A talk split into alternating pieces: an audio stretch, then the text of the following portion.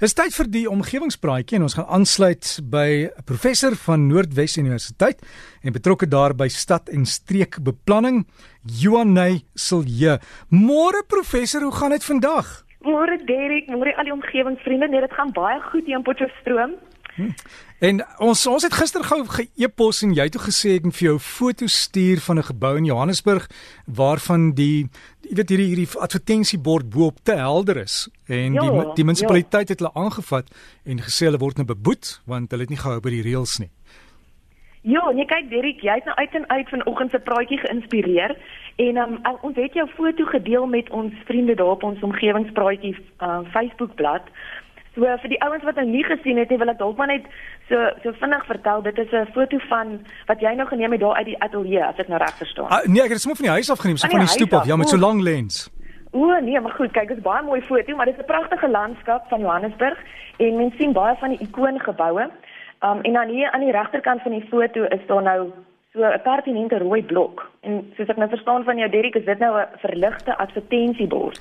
Ja, en in die aand, jy weet enige toerist na Johannesburg kan deesdae nie foto's neem van ons Johannesburg stad nie, want dis dis net eenvoudig te helder. Jy kan kilometers ver sit en lees by daai rooi lig. Ja, ja, so uit 'n toerisme oogpunt is dit vir jou onaanvaarbaar geweest en jy het nou die saak verder gaan opneem. Ja, en dit is alwaarvoor hulle gewag het is iemand wat nog kla en hulle het toe vir die eienaar van die gebou gesê om dit of reg te maak of te verwyder.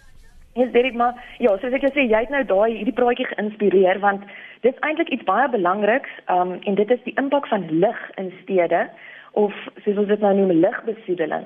Nou, dis nou nie soos lug wat ons inasem of nou die gewone lugbesoedeling waar ons gereeld gesels nie, maar dit is lig van gloeilampe. So ligbesoedeling beteken die onvanpaste of die oormatige gebruik van kunsmatige lig.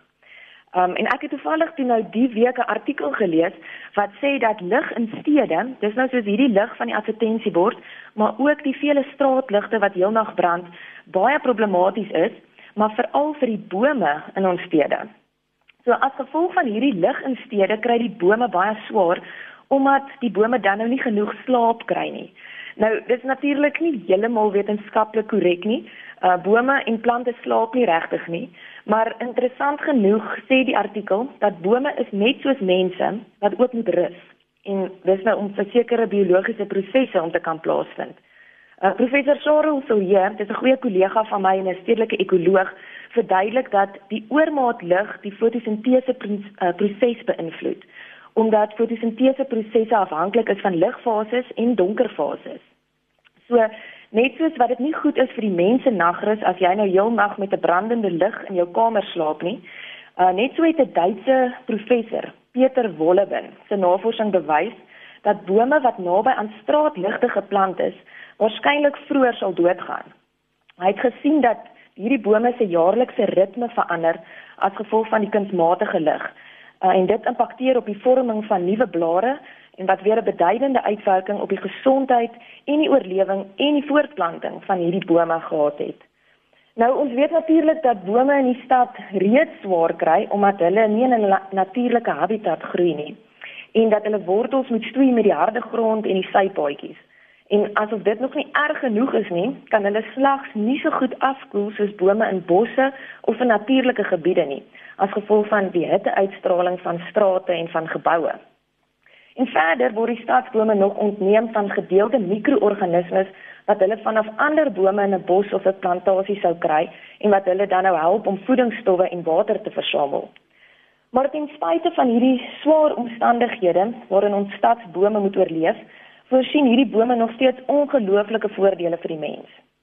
Dit word beraam dat die netto afkoel effek van een gesonde boom gelykstaande is aan 10 standaard grootte ligversorgers wat vir 20 uur per dag aangeskakel is. So een boom wat vir ons gelyk is aan 10 standaard grootte ligversorgers. En verder help bome natuurlik met die beheer van lugbesoedeling en dra staat straatbome by um tussen 10 en 20% uh um dra hulle by tot verhoogde eiendomspryse wat dan ook aansluit aan ons gesprek van vorige week oor die ekonomiese waarde van groen en groen areas. So as ons nou in ag neem wat bome alles vir ons doen, Dan sou mense nou dink dat die minste wat ons vir die bome kan doen is om die ligte af te sit sodat hulle kan gaan slaap in in aanhalingstekens natuurlik. Um maar in dieselfde asem kan dit ook vir ons voordelig wees. Mense se lewenspatrone en slaappatrone het selfs ook baie verander na mate elektrisiteit en kunsmatige lig 'n groter deel van ons alledaagse lewe geword het. Baie van ons gaan slaap nou later in die aande in vergelyking met vorige generasies En ons betaal natuurlik duur vir al hierdie vermorste energie met ons hoë maandelikse elektrisiteitsrekeninge. En vir my is dit ook baie ontstellend om te dink dat miljoene kinders reg oor die wêreld nooit die naghemel en die melkweg sal beleef daar waar hulle woon nie, as gevolg van toenemende kunsmatige lig in die nag. So, die kern van die saak is ligbesoedeling is 'n ernstige omgewingskwessie en dit mors geld, dit mors hulpbronne en dit stel ons omgewing en ons gesondheid en selfs ons erfenis in gevaar. Maar die goeie nuus is dat ligbesoedeling in teenstelling met baie ander vorms van besoedeling omkeerbaar is en elkeen van ons kan regtig 'n verskil maak. Uh, ons kan byvoorbeeld begin deur die lig van ons eie huise in die nag te verminder of ons kan ligte in ons tuin wat so heelnag brand, kan ons heroorweeg.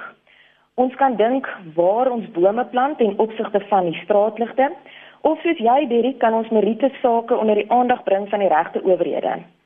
Daar's ook verder baie oulike tegnologie beskikbaar waar mens self die helderheid van jou naglig kan meet. Um ek dink nou aan die My Sky at Night projek wat deur 'n Duitse navorsingsentrum vir geowetenskappe ontwikkel is. Jy kan gerus gaan kyk op www.myskyatnight alles aan 1.com.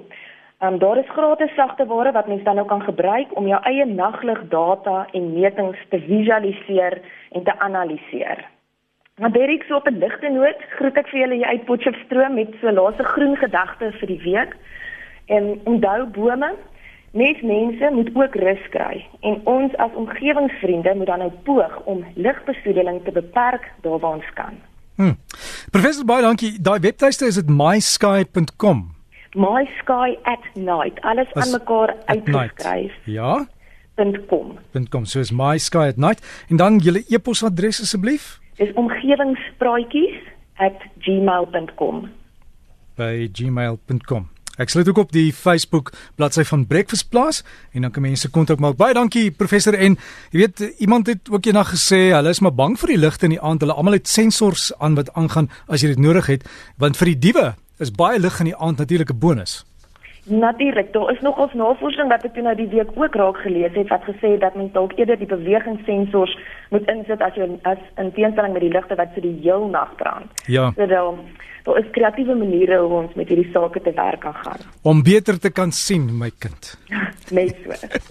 En uh, professor, alles van die beste en geniet die naweek. Baie dankie Derek, selfs vir julle.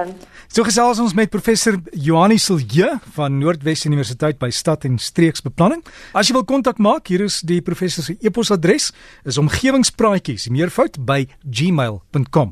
Omgewingspraatjies by gmail.com en dan ook op Facebook, gaan soek net daar vir omgewingspraatjies. Die meervoud sluit aan by die groep en dan sal ek sommer nou op die ander Facebook bladsy ook die inligting plaas en hierdie e-posadres dat as jy mal reeds het as 'n vriend, kan jy daar so 'n bietjie gaan kennis kry. En kennis deel as jy idees het, stuur vir ons, dan kan ons daaroor gesels.